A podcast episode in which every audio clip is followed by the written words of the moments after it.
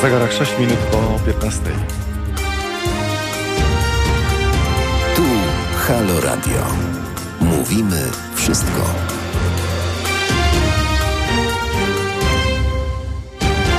Zaczynamy Halo Aktualności. We wtorek. We wtorek, proszę Państwa, to nie poniedziałek, tylko wtorek. Czasami gubimy się w kalendarzu po świętach. Wtorek, szósty dzień kwietnia. Dziś imieniny Adama, Katarzyny, Michała, Piotra i Wilhelma. Dziś także Międzynarodowy Dzień Sportu dla Rozwoju i Pokoju. Takie y, święto. Dobrze, miło, że ktoś się troszczy. W 1654 roku król Jan II Kazimierz Waza podpisał dekret nakazujący wygnanie z terytorium Rzeczypospolitej wszystkich cudzoziemców innowierców. To są Halo Aktualności. Na które bardzo gorąco zapraszamy, mówiąc Państwu dzień dobry. Paweł, który realizuje Halo Aktualności, Agnieszka Jóźwik, która jest wydawczynią, Mariusz Szokos, witam. Mam nadzieję, że zdążyli Państwo i wyschnąć, i wysuszyć po wczorajszym dniu, chociaż przy padającym śniegu i deszczu ze śniegiem, to za chwilę będziemy suszyć y, dalej. Ale do rzeczy. 16.45, o 16.45 kończymy Halo Aktualności, więc y, i dużo i mało czasu. Tematów sporo ciekawych. Między innymi o 16.30 będziemy rozmawiali o tym, że dzisiaj ten dzień, wtorek, ogłoszono Światowym Dniem Carbonary. To jedna z najpopularniejszych potraw włoskiej kuchni. Jakich błędów nie należy popełniać przygotowując tę potrawę, to specjał stołecznego regionu Latium, ale też o historii jedzenia. Myślę, że możemy sobie pozwolić na taki temat po świętach, dlatego że nie będzie nas kusiło. Tak? Że my tutaj tacy wygłodniali, nie ma nic pod ręką do zjedzenia, a my tutaj w Halo Radio o jedzeniu. Ale też będę mówił o tym, dlatego że to na łamach The New York Times y, ukazał się ten artykuł dotyczący carbonary i rozpętało się istne piekło. Dlatego, że tradycjonaliści, obrońcy tradycyjnej kuchni włoskiej, kiedy zobaczyli, że The New York Times pisze o tym, że i tam śmietanę można włożyć i nawet być może dżem, doszło do po prostu świętego oburzenia. Więc porozmawiamy sobie nie tylko o kuchni włoskiej, ale też o historii sztuki sztuki kulinarnej pod tym, pod tym kątem, skąd się biorą pewne przyzwyczajenia i czy warto zmieniać potrawy zgodnie z duchem czasu i naszym, naszym upodobaniem, czy, czy tkwić przy tych klasycznych. A może i tak, i tak, może nie ma co wybierać. O godzinie 16.15 razem z nami będzie pan poseł Andrzej Rozenek, poseł Lewicy. Będziemy rozmawiali o sytuacji politycznej, pewnie o pandemii, pewnie o narodowym szczepieniu, pewnie o chaosie, pewnie o szczepionkach dla wszystkich w Rzeszowie, a przede wszystkim o tym, co Lewica, gdyby teraz y, rządziła, jakby poprowadziła te sprawy, jakie decyzje by podjęła. Porozmawiamy także o tym, że pandemia postawiła pod ścianą całą branżę statków wycieczkowych. Zazwyczaj na co dzień o tym nie myślimy, ponieważ któż z nas akurat jest związany z tą branżą. Jeśli tak, to proszę dać znać na Facebooku, na YouTubie, a także telefon 22 39 059 22 i skrzynka teraz małpahalo.radio. Może ktoś z Państwa miał przyjemność albo nieprzyjemność podróżowania takim wielkim statkiem wycieczkowym? A obecnie sprzedanych lub złomowanych zostało ponad 20 takich wycieczkowców, takich kolosów, które pływają i, i, i przewożą, przewożą ludzi. No oczywiście tam jest kino, na pokładzie takiego, takiego statku wycieczkowego jest basen, jakby było mało wody dookoła. No mnóstwo innych takich atrakcji. Schodzi się na ląd od czasu do czasu. Tak mniej więcej to mm, wygląda. A jedzenie wcale nie takie pyszne dlatego że wszystko przecież przewożą w lodówkach. Będą też y, tematy związane z Danielem Obajtkiem. Oto senatorowie Prawa i Sprawiedliwości naciskali na prokuraturę w sprawie korupcyjnej Daniela Obajtka. Naszym gościem będzie pani Ewa Iwanowa z Gazety Wyborczej. Ale zaczniemy dzisiejsze halo aktualności, jeśli państwo pozwolą, od y, sytuacji mm, pandemicznej, sytuacji covidowej. Świąteczny spadek zakażeń. W wielkanocny poniedziałek odnotowano 9902 nowe przypadki zakażeń. To bardzo malutko bo jeszcze do niedawno było około 30 e, tysięcy. Więc z czego to wynika i czy faktycznie mamy powody do radości? Halo Radio.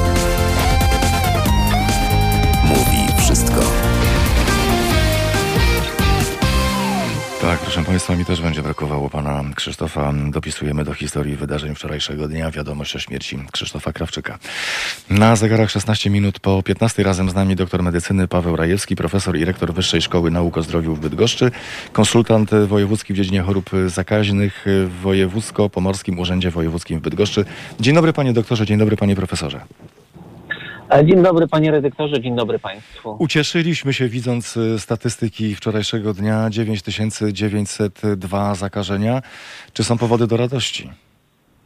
Myślę, że są one znacznie przedwczesne. Ja bym był tutaj bardzo ostrożnym optymistą, bo podobnie jak po świętach e, Bożego Narodzenia, e, ta liczba jest na pewno e, dużo, dużo za niska i niedoszacowana, gdyż jak Państwo wiecie, w święta nikt nie chce się testować. Poza tym lekarze POZ również mają dni wolne.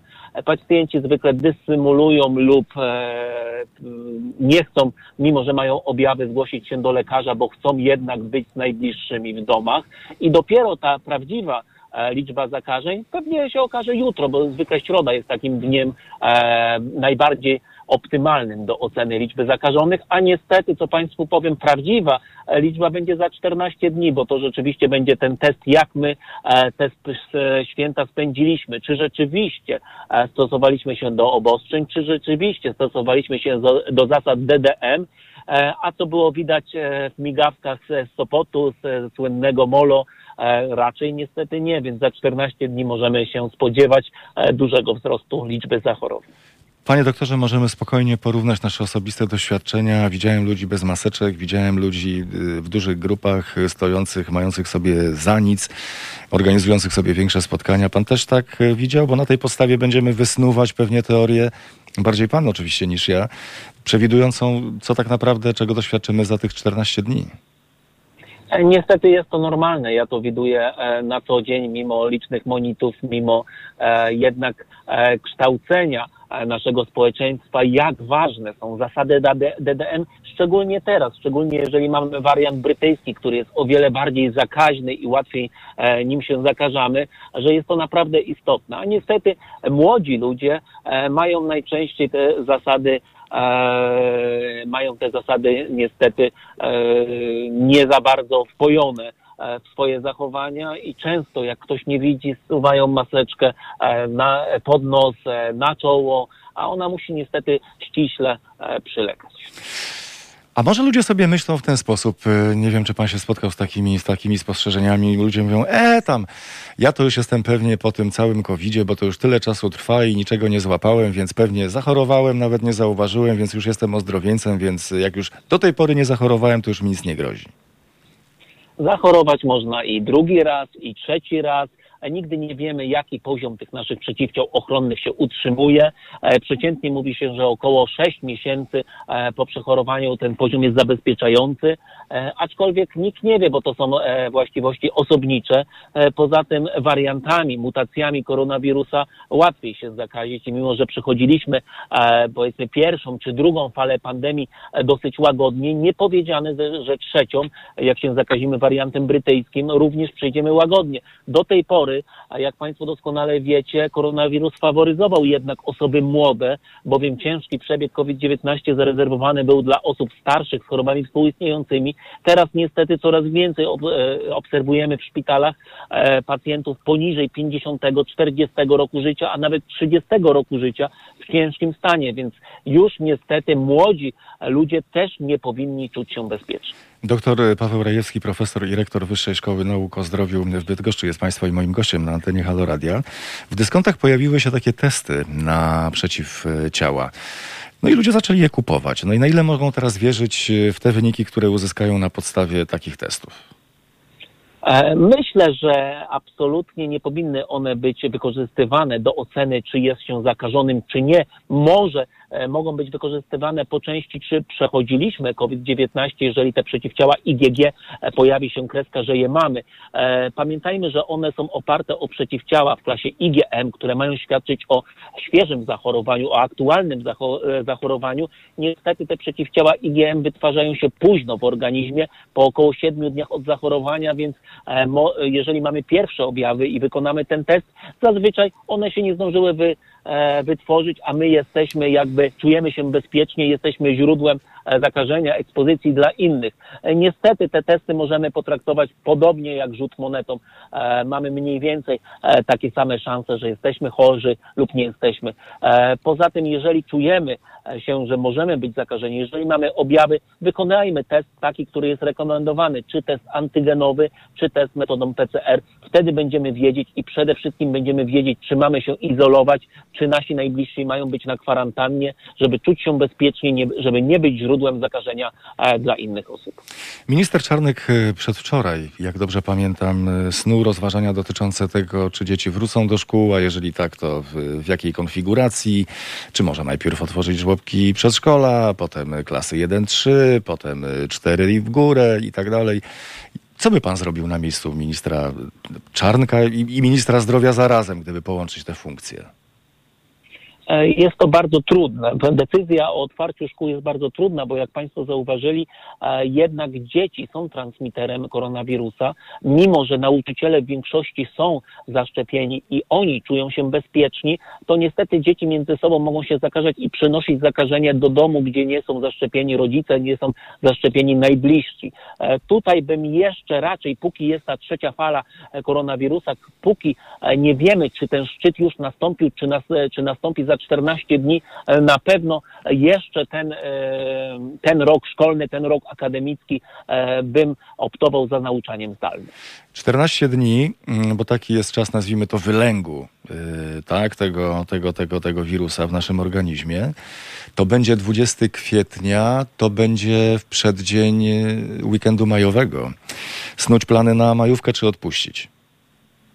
E, Myślę, że e, w dzisiejszej dobie, w dobie pandemii, raczej planów dalekosiężnych nie powinniśmy snuć. Mam nadzieję i takie są przewidywania, jeżeli zrobi się ciepło, jeżeli więcej osób będzie szczepionych i ruszą punkty e, sz- szczepień masowych, gdzieś w połowie maja powinniśmy wyjść z tej trzeciej fali i już powinno być w miarę, w miarę normalnie. To nie znaczy, że, że będziemy zwolnieni z noszenia maseczek, odpowiedzialności i innych obostrzeń. Aczkolwiek myślę, że prościej będzie snuć nam e, na weekend czerwcowy plany niż na majówkę. Minister Niedzielski też e, wszystkich zszokował swoją wypowiedzią, że tak naprawdę już nigdy nie będzie normalnie i już zawsze będziemy chodzić e, w maseczkach i będziemy mieli takie obostrzenia, jakie, jakie mamy. Traktować te słowa poważnie, czy, czy trochę ministra poniosło? E, Myślę, że do końca poważnie nie, ale proszę zauważyć sobie e, kraje, e, które miały koronawirusa, pandemię koronawirusa, epidemię koronawirusa SARS-CoV-1 lub MERS. Proszę zauważyć, na, co się działo na ulicach, co się dzieje na ulicach Chin i innych krajów, gdzie były te epidemie. Ludzie, mimo że nie, ma w tej, nie mieli zagrożenia, około 30% cały czas nosiło maseczki. Dla nas, Europejczyków, było to dziwne, ale oni jednak nosili, bo bali się zakażeń. Myślę, że nie będziemy do końca życia skazani na zakrywanie ust i nosa. I myślę również, że koronawirus SARS-CoV-2 nie zniknie również z naszej populacji, tylko będzie się pewnie pojawiał mniej więcej tak jak grypa, chyba że zmutuje po, e, w jakąś formę bardziej zakaźną. E, Zobaczymy, wszystko zależy od szczepień, wszystko zależy od efektywności tych szczepień, jak długo będzie się e, utrzymywał poziom przeciwciał zabezpieczający, ale na pewno nie będziemy, e, nasze życie nie będzie wyglądało tak jak teraz, czyli będziemy zakrywać usta i nos przez wiele, wiele, wiele lat. Będzie inne nasze życie rzeczywiście, bo musimy być przygotowani, że kolejne lata mogą przynieść również epidemię czy pandemię innych wirusów. E, Zresztą Światowa Organizacja Zdrowia co roku e, nas ostrzega e, przed groźbami cywilizacyjnymi, e, e, co mogą zniszczyć populację, mogą, mogą osiągnąć miano epidemii. E, Cały czas mówi się o gorączkach krwotocznych, o rozmaitych wirusach. Niestety biologia nie próżniuje i te wirusy mogą przechodzić ze świata zwierzęcego do świata ludzi i musimy być na to przygotowani. Dlatego ta lekcja, którą wyciągniemy, wyciągniemy z tej pandemii, na pewno będzie procentować na przyszłość. Doktor Paweł Rajewski, profesor i rektor Wyższej Szkoły Nauk o Zdrowiu w Bydgoszczy, a także konsultant wojewódzki w dziedzinie chorób zakaźnych w Kujawsko-Pomorskim Urzędzie Wojewódzkim w Bydgoszczy, był Państwa i moim gościem na antenie Halo Radia. Dziękuję za spotkanie, za rozmowę. Bardzo dziękuję Państwu. Na zegarach za 5 minut y, pół do 16. Za chwilę o tym, że senatorowie Prawa i Sprawiedliwości naciskali na prokuraturę w sprawie korupcyjnej Daniela Obajtka. Słuchają Państwo Halo Radia. Razem z nami i pani Paulina, i pani Wanda, i pan Jerzy, i pan Wojtek, i pan Krzysztof, i pani Teresa, i Jerz, pan Jerzy, ale inny, i pan Paweł także. Bardzo cieszę Państwa obecność. Mam nadzieję, że Państwo dobrze się czują i wszystko u Państwa jest e, w porządku. E, kontynuujemy wątki, które pojawiają się dzisiaj na naszej antenie. Dzisiaj mamy wtorek, to dla przypomnienia, bo po świętach czasami się gubimy. A więc jeszcze dziś o godzinie 16.50 felieton profesory Ewy Pietrzyk-Zieniewicz, o 18.50 felieton profesora Tadeusza Bartosia, o 20.50 felieton pana mecenasa Jacka Dibuła, a o 22.50 felieton profesora Marcina Matczaka. Będziemy przypominać, ale zawsze miło się pochwalić. Razem z nami mm, pani Ewa Iwanowa, Gazeta Wyborcza. Dzień dobry pani redaktor. Dzień dobry, witam pana, witam państwa. Już myślałem, że państwo zapomnieli o prezesie Danielu Obajtku. Nie, To myślę, tak że trzy, jeden dzień mija, drugi dzień mija, trzeci, nic się nie dzieje. Myślę sobie, o co chodzi? Mm, przygotowujemy cały czas kolejne publikacje na temat e, Daniela Obajtka i spraw e, z nim związanych. Także będziemy systematycznie informować czytelników o kolejnych odsłonach e, spraw związanych z Danielem Obajtkiem. No już, no już ta ostatnia publikacja, ta świeżutka, y, y, którą Państwo opublikowali w Gazecie Wyborczej, y, daje mocno do myślenia. Oto senatorowie Prawa i Sprawiedliwości naciskali na prokuraturę w sprawie korupcyjnej Daniela Obajtka. Jak to jest możliwe? Możliwe dlatego, e, że mm, politycy, zarówno posłowie, jak i senatorowie mają możliwość e, zadawania pytań, interweniowania różnych organów e, publicznych i w tym wypadku wykorzystywano tego typu ścieżki, które mają do dyspozycji senatorowie PiSu i systematycznie naciskano na niezależnego prokuratora generalnego Andrzeja Seremeta, aby albo wniósł kasację od wyroków, które pośrednio wskazywały także na udział Daniela Obajtka w, w procederach związanych e, z działalnością przestępczą innych e, osób, albo e, tutaj senatorowie PiSu domagali się przeniesienia sprawy, odebrania jej prokuraturze, nawet sądowi, czy też wprost sugerowali umorzenie. I to, że Daniel Obajtek jest osobą, co, co do której prokurator nie powinien nie, nie powinien doszukiwać się odpowiedzialności karnej. Ja rozumiem sytuację, jeszcze jestem w stanie zrozumieć sytuację, w której mm, senator zwraca się z, z pytaniem do prokuratora generalnego, na przykład y, jak postępy, jak postępy w tej sprawie, ewentualnie doszły mnie słuchy, że y, osoba, która jest y, stroną czynną w tej, w, tej, w, tej, tej sprawie, na coś się skarży, na coś, na, na coś utyskuje, jej zdaniem coś jest nie tak. Dostał taką informację i chciałby zapytać nieśmiało, ale z troską, y, jak sytuacja wygląda. To jeszcze jestem w stanie, w, stanie, w stanie zrozumieć, ale tutaj senatorowie na czele z Grzegorzem Wojciechowskim interweniowali, mieli interweniować u prokuratora generalnego Andrzeja Seremeta w tych sprawach, o których pani powiedziała. No to, to chyba nie jest zgodne z prawem. Myślę, że mm, to nie jest kwestia zgodności czy też niezgodności z prawem, tylko tego, w jaki sposób e, ocenimy e, działania e, osób, które wykonują mandat, mandat senatorski czy też e, poselski. I czy takie osoby powinny interweniować w sprawach, których obrońcami są ich najbliższe osoby, bo nie wiem, czy słuchacze e, czytali ten e, dzisiejszy tekst, ale e, cała, e, całe, całe jakby sedno sprawy sprowadza się do tego, że tych interwencji e, podejmowali się ludzie bardzo mocno związani z obrońcą Daniela Obajtka, którym był w latach 2014-2015 mecenas Janusz Wojciechowski, e, obecnie e, komisarz e, z ramienia e, PiSu e, do spraw rolnictwa. Mm, e, I był to człowiek, e, który bardzo mocno angażował się w obronę swojego klienta, zapewniał o jego niewinności. E, I widać wyraźnie, że we wszystkie te interwencje związane z Danielem Obajtkiem, a więc jego klientem, były za- zaangażowane osoby, które bardzo mocno były z nim związane. Czyli w dwóch przypadkach był to jego brat, e, który e, był e, senatorem interweniującym składającym pisma e, czy też takie wy- wystąpienia do Andrzeja Seremeta, a w trzecim przypadku był to senator, który był dawniej dyrektorem e, w jednym z biur e, Janusza Wojciechowskiego, więc wszystkie drogi e, w tym przypadku prowadzą do mecenasa e, ówczesnego e, Daniela Obajtka. A jak w tej sytuacji, szanowna pani redaktor, zachował się prokurator, kiedy dostawał takie zapytania pełne troski i mówił, no zobaczcie, no słuchajcie, no tutaj są dokumenty, o proszę bardzo, przeczytajcie sobie, naprawdę nie ma się co, nie, nie ma się do czego przyczepić, no facet jest niewinny. Udzielał jakichkolwiek takich informacji?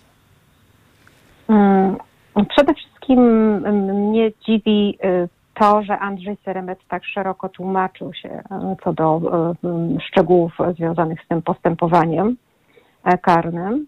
E, Udzielał szeregu informacji, e, na które dzisiaj e, ani media, ani e, politycy opozycji nie mogliby liczyć ze strony prokuratora krajowego czy prokuratora generalnego.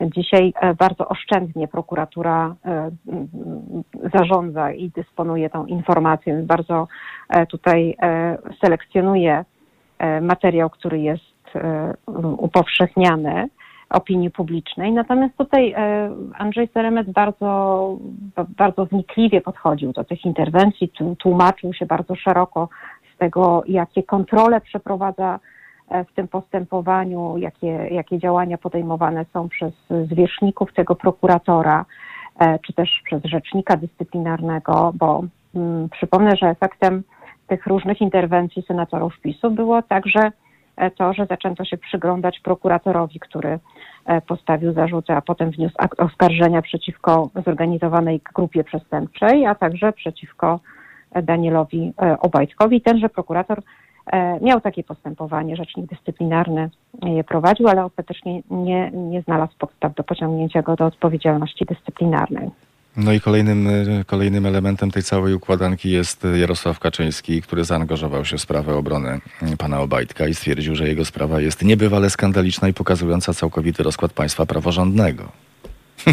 Tak, i to, to pokazuje, że już właściwie od 2013 roku, kiedy zaczął funkcjonować ten specjalny zespół parlamentarny, który miał się zajmować patologiami w wymiarze sprawiedliwości, już od tego momentu e, bardzo mocno obóz PiS zaangażował się w obronę Daniela Obajtka i robił to osobiście e, Jarosław Kaczyński, ale także inne osoby, takie jak Beata Szydło, e, obecny prezydent też uczestniczył w obradach tego zespołu, wypowiadał się na ten temat. Także czołowi, kluczowi e, politycy związani z e, obozem obecnie rządzącym od samego początku e, zapewniali o, niewinności Daniela Obajtka. Jesteśmy bardzo ciekawi kolejnych e, publikacji z państwa, e, z państwa strony. E, Razem z nami na antenie Halo Radia pani Ewa Iwanowa e, z Gazety Wyborczej. Dziękuję za rozmowę, dziękuję za spotkanie. Dziękuję bardzo. Za 19 minut e, 16. Za chwilę porozmawiamy o tym, że pandemia postawiła pod ścianą całą branżę statków e, wycieczkowych. Obecnie sprzedanych lub złomowanych zostało ponad 20 wycieczkowców. Każdy dzień, w którym nie odbywają się rejsy wycieczkowych, wycieczkowe, to jakieś 110 milionów dolarów strat w samych tylko Stanach Zjednoczonych, a globalnie branża mogła w 2020 roku stracić przychody w wysokości 77 miliardów dolarów. My też cierpimy z tego powodu, no bo nie możemy sobie popłynąć takim, chciałoby się powiedzieć, parostatkiem w piękny rejs ze względów pandemicznych. O tym już za chwilę.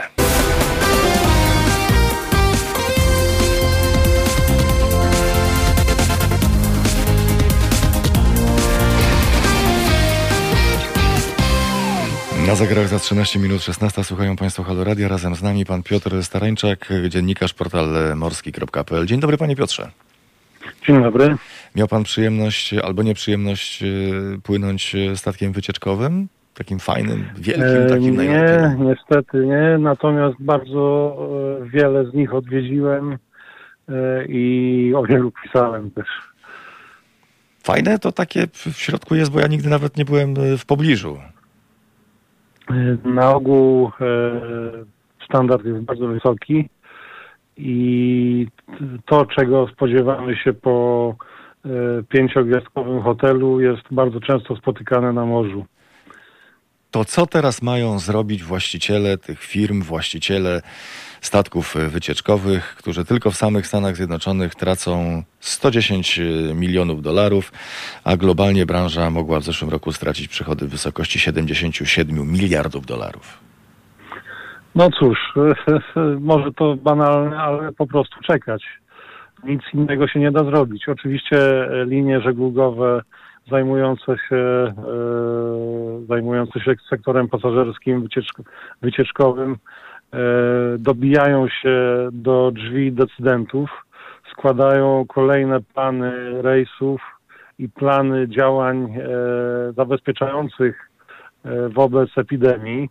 E, pokazują, jak potrafią być bezpieczne, próbują e, stworzyć takie procedury i przedstawić je władzom w ten sposób, żeby uzyskać już jak najwcześniej e, pozwolenia na rozpoczęcie działalności. Obecnie, obecnie mamy do czynienia z, z takimi prośbami, na przykład na początek lipca. Oczywiście pewna niewielka część e, wycieczkowców nawet teraz pracuje, ale chodzi o uru- uruchomienie e, branży na dużą skalę i, i no właśnie mamy w takim, z, z takimi prośbami teraz do czynienia do odpowiednich władz, na przykład sanitarnych w Stanach Zjednoczonych, żeby można było normalnie uruchomić e, branżę na początku lipca. Czy jest y, któryś y, z krajów na świecie, o którym można powiedzieć, że jest hegemonem, jeśli chodzi o statki wycieczkowe? Tak jest. E, To są Stany Zjednoczone zdecydowanie. E, Tam jest, tam są siedziby i stamtąd pochodzi kapitał udziałowców większości największych morskich firm, największych firm e, żeglugowych zajmujących się właśnie tym sektorem pasażerskim, wycieczkowym. Mamy tu do czynienia e, przede wszystkim e, z takimi e, dużymi grupami żeglugowymi, które skupiają po kilka brandów, po kilka marek, po kilka, tradycyjnie mówiąc, armatorów. Statek, e, znaczy statki przynależne do jednej kompanii żeglugowej, która e, ma jednolitą identyfikację rynkową, e, ma swoją nazwę, to tradycyjnie był armator i, i dawno, dawno temu każdy armator był niezależny. No później zaczęła się, zaczęła się era globalizacji, połączeń, przejęć i doszło do tego, że, że większość, zdecydowana większość tego biznesu skupiona jest w rękach kilku dużych grup, a zwłaszcza Carnival Corporation i Royal Caribbean Cruises. To są dwie e, największe, oczywiście ze Stanów Zjednoczonych.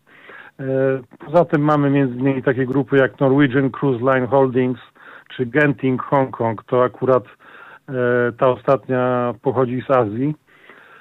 E, Natomiast e, Norwegian Cruise Line Holdings, mimo że ma e, korzenie norweskie i nazwę norweską, jest ulokowany również w Stanach Zjednoczonych.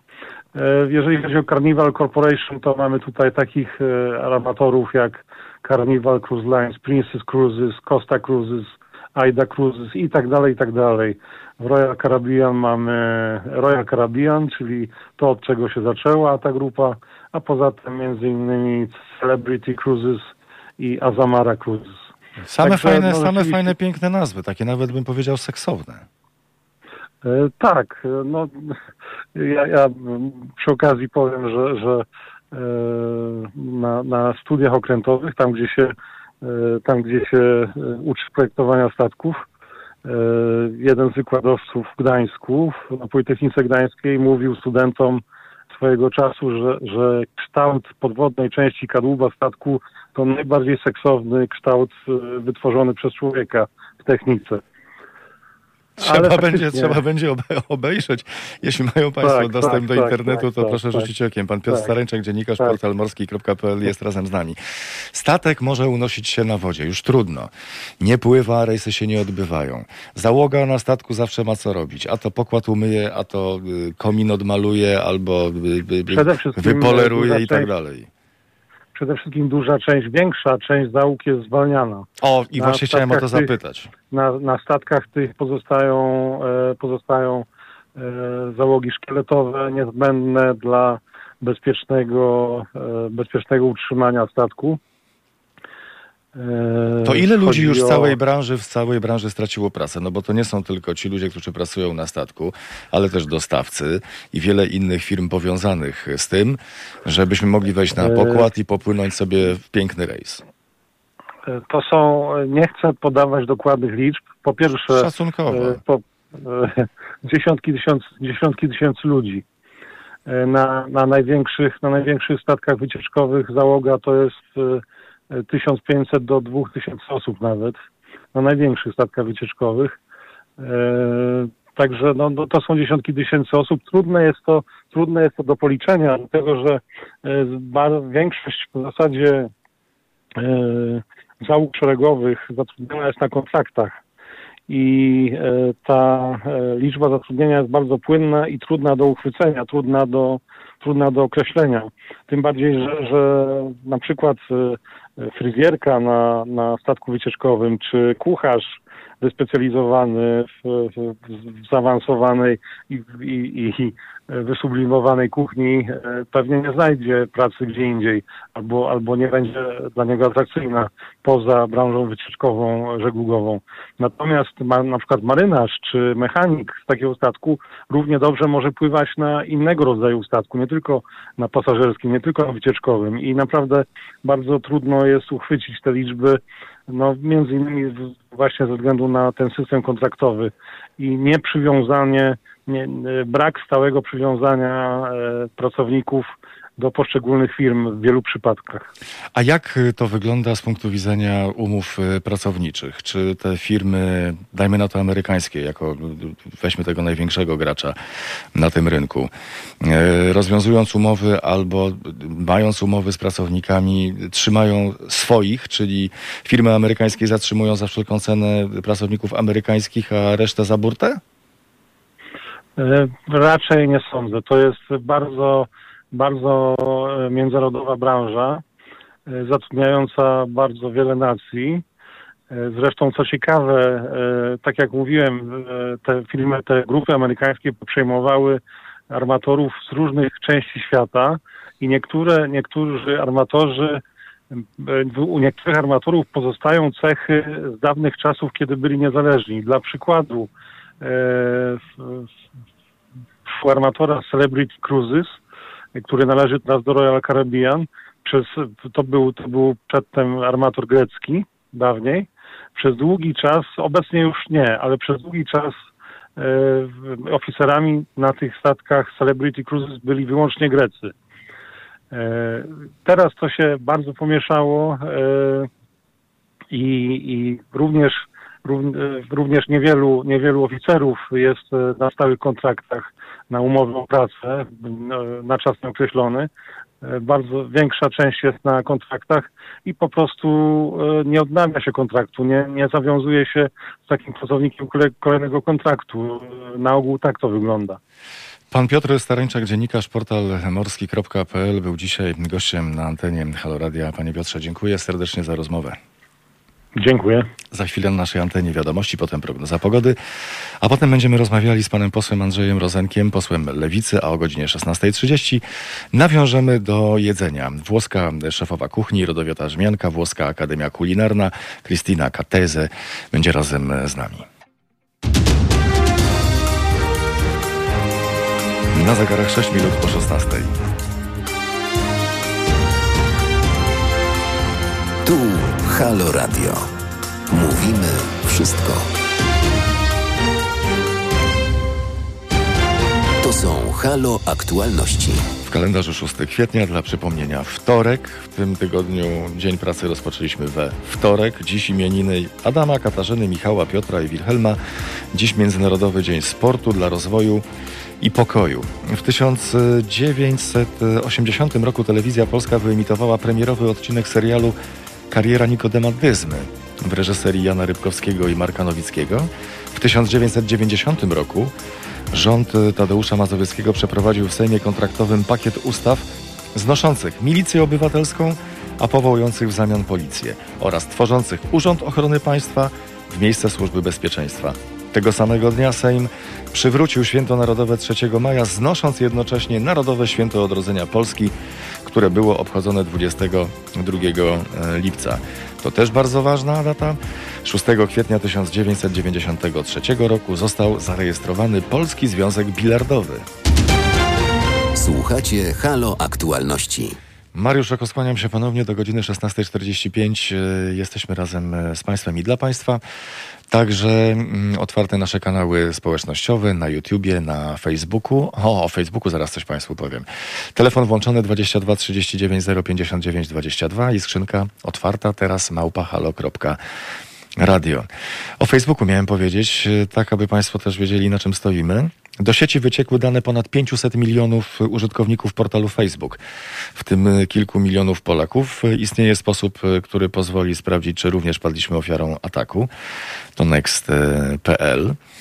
W ubiegły weekend anonimowy użytkownik opublikował na jednym z hakerskich forów dane 533 milionów użytkowników Facebooka. 2 miliony 600 tysięcy to nasze polskie mm, konta. I udostępnione rekordy zawierały następujące informacje. Imię, nazwisko, numer telefonu komórkowego, adres, mail, płeć, stan cywilny, zawód, y, miasto. Dane dotyczą informacji umieszczonych przez użytkowników na Facebooku kilka lat temu. I teraz y, można tak naprawdę uzyskać informacje do tych danych. Y, każdy o tym mo, może uzyskać te dane. O tym, że doszło do potężnego wycieku, dowiedzieliśmy się już w styczniu tego roku. Wówczas dane były jednak y, nie były publicznie dostępne w sieci. Teraz każdy może to sprawdzić.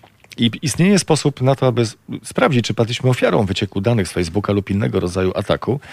Jest, e, przepraszam, jest taka strona Have I Been Pwned? Com, stworzenie, za stworzenie której odpowiada Troy Hunt, znany ekspert do spraw bezpieczeństwa oraz były pracownik y, Microsoftu.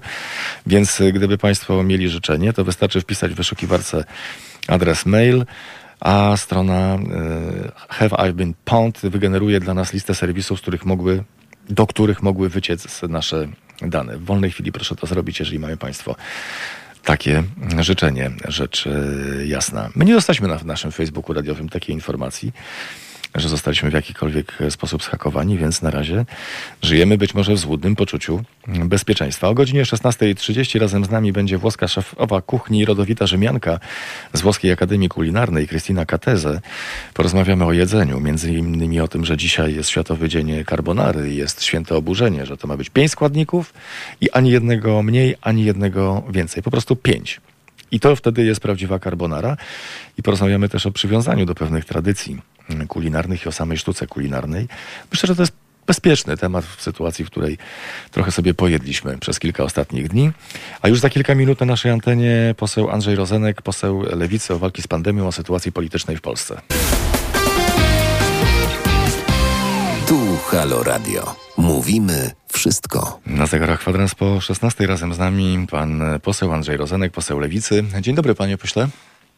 Dzień dobry, witam pana, witam słuchaczy. Wyobraźmy sobie sytuację, rzeczywistość e, równoległą, rzeczywistości równoległej. 5 e, kwietnia 2021 roku Lewica wygrała wybory, zaczyna się formować nowy rząd e, w rzeczywistości równoległej 6 kwietnia. Czym się pan zajmuje w rządzie, panie pośle? No to nigdzie nie jest powiedziane, że byłbym w rządzie, tak, ale generalnie mogę powiedzieć, co by było priorytetem dla lewicy e, jako dla formacji wrażliwej na losy ludzkie. Oczywiście priorytetem byłoby usprawnienie procesu szczepień, bo Jak? to jest w tej chwili najważniejsze. No, ten system, który zbudował pan Dworczyk, ma e, w zasadzie same wady. To jest system scentralizowany. Scentralizowane jest w nim wszystko, począwszy od dystrybucji szczepionek poprzez zapisy, co jest po prostu mordercze dla tego systemu. No i scentralizowane jest, y, jest również y, y, zarządzanie całym tym procesem. A więc pierwsza rzecz, którą trzeba zrobić, to decentralizacja, czyli przeniesienie tutaj ciężaru odpowiedzialności za te szczepienia na samorządy i to na samorządy jak najniższego szczebla. Dlaczego? Dlatego, że tam wiadomo, kogo trzeba w pierwszym rzędzie zaszczepić i tam to idzie sprawnie przynajmniej mamy przykłady, że gdy samorządy się za to biorą, to zaczyna to działać zupełnie e, sprawni. A ile Dlaczego czasu by zajęło, mówię? ale ile czasu by zajęło przebudowanie teraz tego systemu?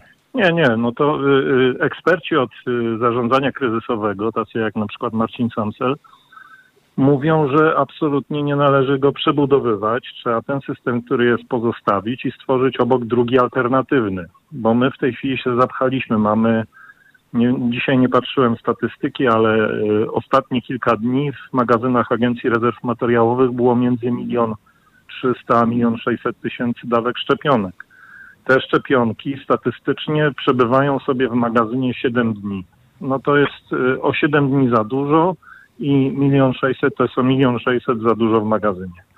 I teraz, żeby to udrożnić, no to trzeba po prostu stworzyć więcej miejsc, gdzie można szczepić. E, oczywiście ktoś powie, no tak, ale nie mamy tyle personelu medycznego, zresztą lekarze są potrzebni do, do leczenia ludzi w tej chwili. To prawda. Dlatego znowu rządzący powinni się zastanowić y, nad tym, skąd wziąć ludzi, którzy potrafią szczepić. No i wiemy, że szczepić potrafią aptekarze, szczepić potrafią weterynarze, szczepić potrafią żołnierze, którzy byli na misjach, mają przeszkolenie ratownika medycznego, y, y, szczepić potrafią wreszcie y, y, strażacy ochotniczych straży pożarnych. No jest y, spora grupa ludzi, którzy potrafią to robić. Oczywiście w każdym punkcie szczepień musi być lekarz. Ale znowu, wystarczy jeden lekarz, bo on jest na wypadek, gdyby były jakieś nopy, czyli e, nieprzewidywane odczyny e, poszczepionkowe. I wtedy rolą lekarza jest badać takiego pacjenta i ocenić, czy trzeba wzywać pogotowie, czy wystarczy, jak pacjent odpocznie chwilę, posiedzi po, będzie pod obserwacją. Więc to wszystko można no, usprawnić. Tylko jest y, potrzebna wola polityczna. Ja tej woli politycznej nie widzę. Widzę za to dużo PR-u w tym, co rząd robi. Rząd się sam chwali. Jest zadowolony z procesu szczepień, który y, ich zdaniem idzie znakomicie. No tylko, że, że tak nie jest. No. Pan poseł Andrzej Rozenek, poseł Lewicy, jest Państwa i moim gościem na antenie Halo Radia. Wspomniał Pan y, sytuacji politycznej. No, każdy by się chwalił, no może nie każdy chwaliłby się w podobnej sytuacji, ale czy Państwo szykują jakąś polityczną ofensywę na wiosnę? E, Panie redaktorze, no ja bym się na przykład nie chwalił, gdybym miał takie dane, że w niedzielę zaszczepiono zaledwie 3000 osób w Polsce. To nie jest powód do chwalenia się. W województwie łuskim y, wykonano 7 szczepionek. W województwie zachodniopomorskim 0. To nie jest powód do chwalenia się. Ja rozumiem, że są święta, ale jednak y, walczymy z pandemią. To jest, to jest stan wyjątkowy, to jest niemalże wojna i tutaj każdy dzień i każda godzina zwłoki to są koszty. Koszty liczone w, w zachorowaniach i koszty liczone w, y, niestety w zgonach. A co z tą E, polityczną, ofensy- co z tą polityczną ofensywą Lewicy? y, Za, zaraz do tego dojdę. Rząd, y, rząd polityczny, y, rząd y, Izraela ustalił, że każde zaszczepienie 100 tysięcy ludzi to jest 15 zgonów mniej. Takie statystyki są w Izraelu. No, nie przypuszczałbym, że one będą inne w Polsce, więc to tempo szczepień ma naprawdę podstawowe znaczenie w tej chwili.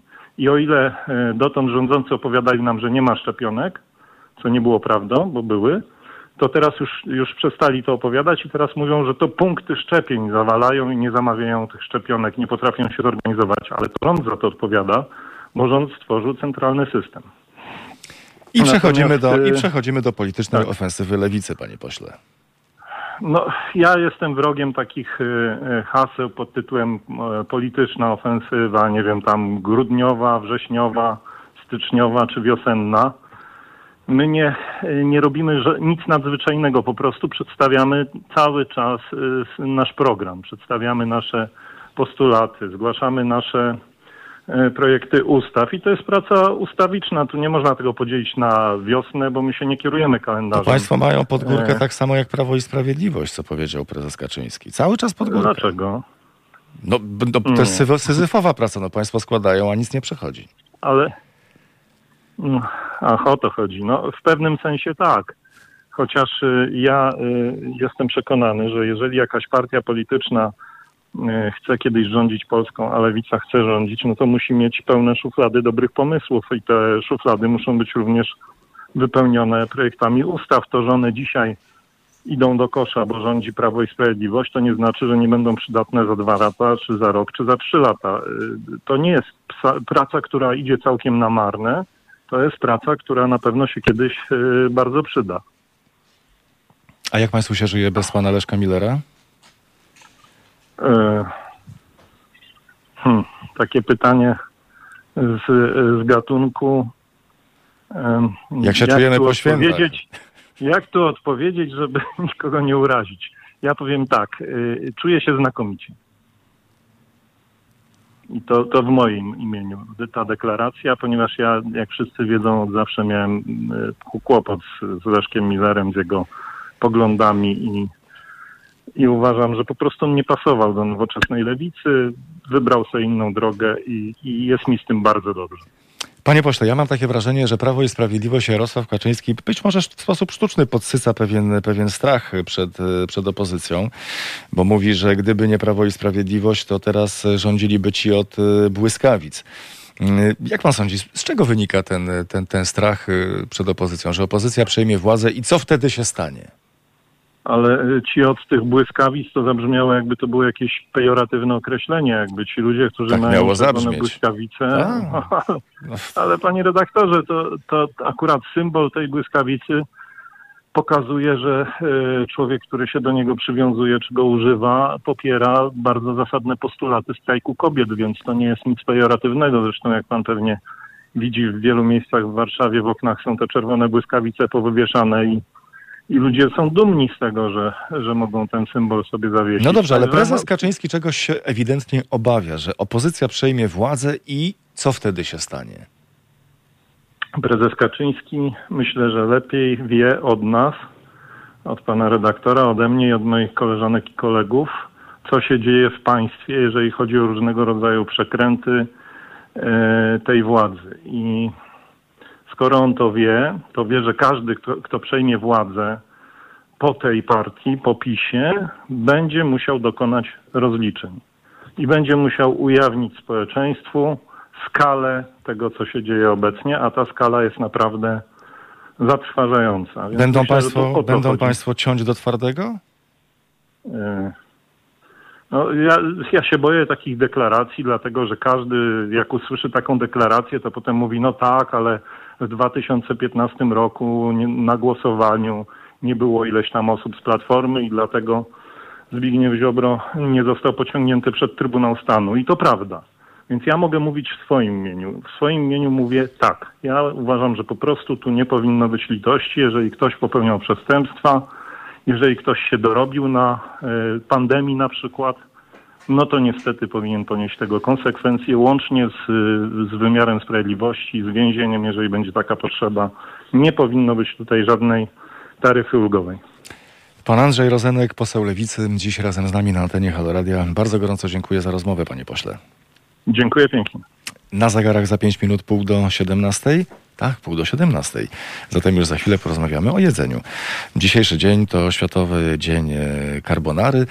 O klasycznym ujęciu do jedzenia i obronieniu też pewnych tradycyjnych wartości, jeśli chodzi o mm, kuchnię. Porozmawiamy za chwilę z panią Krystyną Katezę.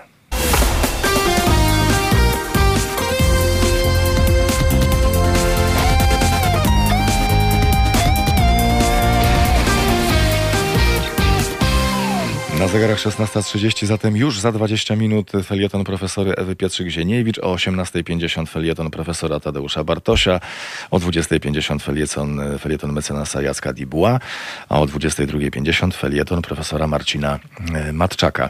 Mogą Państwo pisać na Facebooku, mogą Państwo pisać również e, na YouTubie, korzystać z naszej skrzynki, teraz małpahalo.radio i dzwonić 22 39 059 22, a razem z nami pani Krystyna Kateze, włoska szefowa kuchni, rodowita Rzymianka z Włoskiej Akademii Kulinarnej. Dzień dobry pani. O, dzień dobry, dokładnie, Włoska Akademia Kulinarna. Jak- Włosi jesteśmy. Jak, jak miło słyszeć taką, taką fantastyczną energię, energię w, w pani głosie na naszej antenie. To roz- rozświetla No. cały dzień. O, to super, super, bo jest bardzo szary dzisiaj. Proszę powiedzieć, czy udało się pani dzisiaj coś zjeść? Oczywiście, że tak. Jesteśmy ciekawi, dzisiaj co? jemy? Co, co jemy dzisiaj? Carbonara. Na śniadanie, na obiad, na kolację, jeszcze jak ktoś wstanie głodny w nocy, żeby podjeść, to jeszcze sobie podje w nocy. No to, to po prostu jest takie pyszne. E, pan lubi carbonara? Bardzo. No i to jest dokładnie taki prosty przepis. Na czym właśnie polega urok, urok tego dania? E, 100% guanciale. Guanciale jest pod gardle. Jest duża różnica, bo e, my na nasza akademia, włoska akademia e, kulinarna, e, cały czas e, robimy różnica między pancetta i guanciale. Pancetta jest od brzuch, pancza po włosku i guanciale jest od guancia, e, to znaczy policzki, że tutaj są e, policzki, ale troszeczkę na dół, to znaczy pod gardle. Jest duża różnica, bo, bo po gardle oczywiście jest dojrzawy e, około 3 miesięcy i są dużo e, przyprawy e, i ten smak, ten pieprz, że jest naokoło, troszkę rozmaryn, robią duża różnica.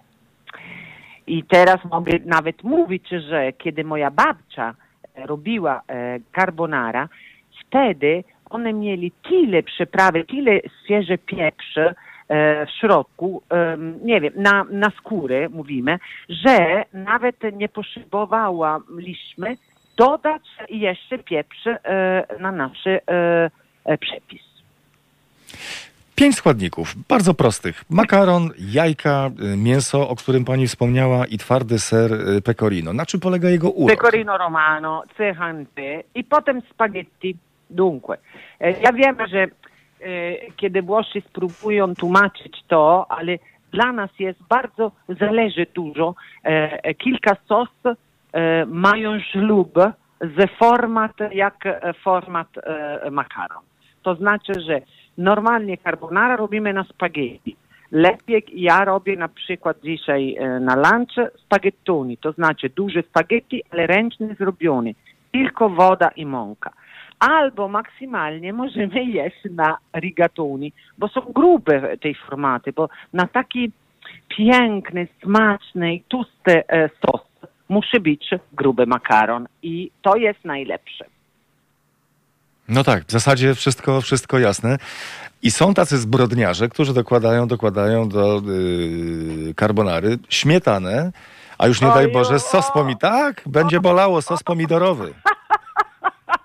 Wiem, wiemy, bo e, dzisiaj e, dokładnie e, są wszystkie te moi przyjaciele z Rzymu, że wyślą, wiesz co, zobacz, ja widziałam tutaj w internecie na zucchini i drugi wyśle, nie, słuchaj, co, ja widziałam na pieczarki. I ostatnie, kurczę, ja widziałam nawet, teraz nie mówię kto, taki bardzo znany e, e, szef kuchni, że mówi i on używa nawet śmietana i dla nas jest profanacja po prostu.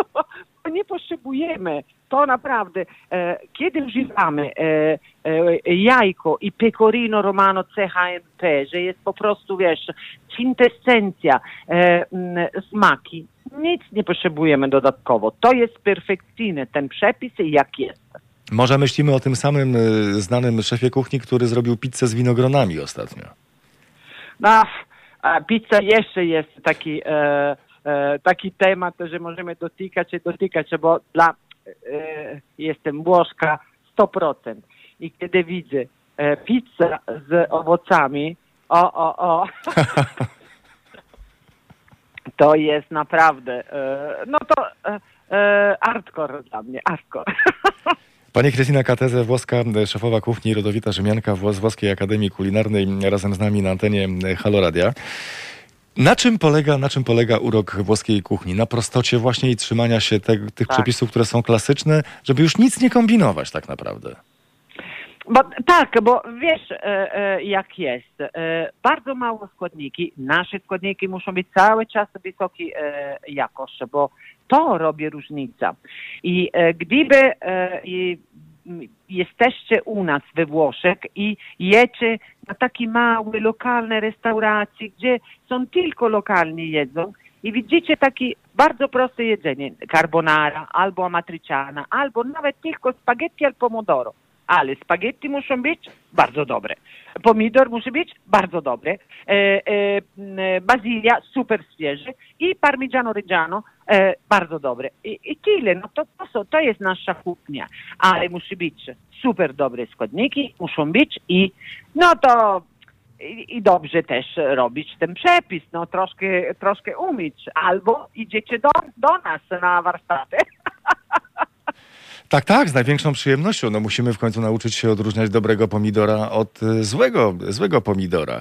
Może ta skłon... to dokładnie. No tak, no może, może ta skłonność do wlewania sosu pomidorowego albo wkładania pomidorów do, do wszystkiego, co jest tylko możliwe, również do, nie mówię, że polecam, popieram, bo nie chcę stanąć przed sądem, do spaghetti carbonara, właśnie wynika z faktu, że pomidory są tak cudowne. Tak, wiesz Mariusz, to jest dokładnie jak działa. E, e, nawet e, dzieci, bardzo małe, bo my mamy takie tradycja, po mleko są te tak ma, małe papy, że dajemy do nasze dzieci, ale potem są kapellini d'angelo, to znaczy najmniejszy makaron, taki miękki, e, cieniutki, cieniutki, że my dajemy do naszych e, dzieci po prostu tylko z oliwa, z oliwek ekstra virgine, pomidor i po prostu parmigiano reggiano. I my zaczynamy nasze e, miłość e, dla makarony po prostu od tej wieku, 6 miesięcy. To u nas kiedyś, to u nas kiedyś były bardzo popularne takie przegryzki. Kromka białego chleba, delikatnie skropiona wodą, posypana cukrem i na to plasterek pomidora. Bo tutaj na przykład, ale to jest prawda, e, tutaj mm, są kilka rodzajów pomidory, mm, kiedy jest, e, no to czerwiec, e, pierwszy dwa tygodnie e, lipiec, kiedy pomidory tutaj są bardzo słodkie. Nawet wyglądają nie jak pomidory, ale po prostu e, tej same smak jak owoce. To prawda. Tutaj w Polsce też. Jak Oczywiście Mhm. u nas jest inny, e, e, m, inny e, temperatura i słońce jest po prostu super na, na nasze lep, lepsze momenty dokładnie. No my akurat jesteśmy świeżo, świeżo w Polsce, trzymając się polskiej tradycji kulinarnej po świętach wielkanocnych. To skutek jest taki, bo że po tych trzech, trzech dniach jedzenia to czujemy się tacy trochę okrąglucy jak Obelix. Yy, Gdyby, gdyby zrobić, gdyby robić święta według tradycji włoskiej, to też byśmy się tak czuli, czy trochę inaczej? Tam jest tak suto i obficie, czy jednak tak leciutko? E, mm, e, e, troszkę lekki jest, no bo e, mamy więcej chyba warzywa. Ja jeden rzecz, że ja po prostu uwielbiam, i uwielbiam polska kuchnia oczywiście, ale sałatka jarzynowa ja nie mogę zrobić w domu, bo jestem w stanie jeść cała miska. No to sama sobie, no to po prostu jest, jest fantastyczna. Nasza e, kuchnia jest pełno świeże warzywa i dużo sałatki. Teraz są karczochy, że ja po prostu jak Rzymianka dużo gotuję, dużo robię, e, dużo inne potrawy, e, i pieczone, i e, faszerowane, i na makaron, i no to smażone, to, to po prostu u nas jest jagnięcina i tej karczochy dużo. I potem są buby, ale buby są świeże. I, em, I ogólnie e, koncept taki na e, śniadanie wielkanocna jest bardzo podobny. To znaczy wytrawna, dużo wędliny, dużo e, jajko i, i potem em, tej duża babka, że ja co rok robię, kolomba, że teraz sprzedają nawet nasze sklepy tutaj w Polsce. I dodatkowo dla dzieciaki my mamy cały czas jajka czekoladowe z małe e, zabaweczki w środku. To te duże jajka i jeszcze nie są e, wszędzie tutaj w Polsce, ale ja myślę, że następny rok e, dzieci będą mieć. To dzieci rosną, no to co, mały rowerek, który na początku mieścił się w małym jajku, teraz już dziecko starsze, trzeba zrobić większe jajko, żeby większy Dokładnie. rowerek się zmi- zmieścił. Dokładnie tak. E, Obok moja babcia, e, mieszka, babcia mieszkanie, było taki bar i oni robili cały czas loteria. I jajko na e, tej, jajo gigantyczne, czekoladowe na Wielkanoc biło dokładnie, wysoki jak e, taki facet, wiesz, właściciel bar. I w środku były cały czas taki niedokładnie fajne tej małe e, zabaweczki, ale ten jajko chyba było 5-8 kilo czekolada. Przepiękne. No to można ukochanej osobie też zrobić taki prezent i samemu się ukryć w takim wielkim jaju czekoladowym. To, Dokładnie. Ta-ta! Surprise! tylko dziurkę trzeba zostawić, żeby tam troszkę powiedzieć, bo nie wiadomo kiedy znajdzie, jak się człowiek dobrze schowa. Czego możemy się nauczyć e, odwiedzając waszą włoską akademię kulinarną, powiedz Krystyna. O, od A do Z.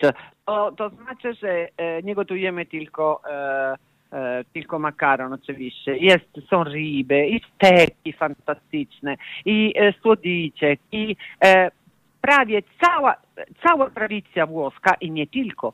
Bo my e, podróżujemy dokładnie z naszymi e, przepisami e, na całym świecie. No to naprawdę macie od A do Z wszystko.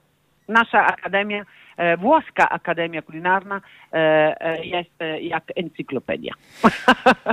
Chętnie skorzystamy, chętnie odwiedzimy. Nie wszystko na raz, żeby nam się nie poplątało, tylko tak strona po stronie, do przodu, do przodu, całe życie przed nami, więc nie musimy tak bardzo, tak bardzo pędzić. Krystyna Kateze, włoska y, szefowa kuchni, rodowita Rzymianka z Włoskiej Akademii Kulinarnej, dziś razem z nami. Bardzo gorąco dziękuję za spotkanie. Ja dziękuję. Miłego dnia. Ciao, ciao.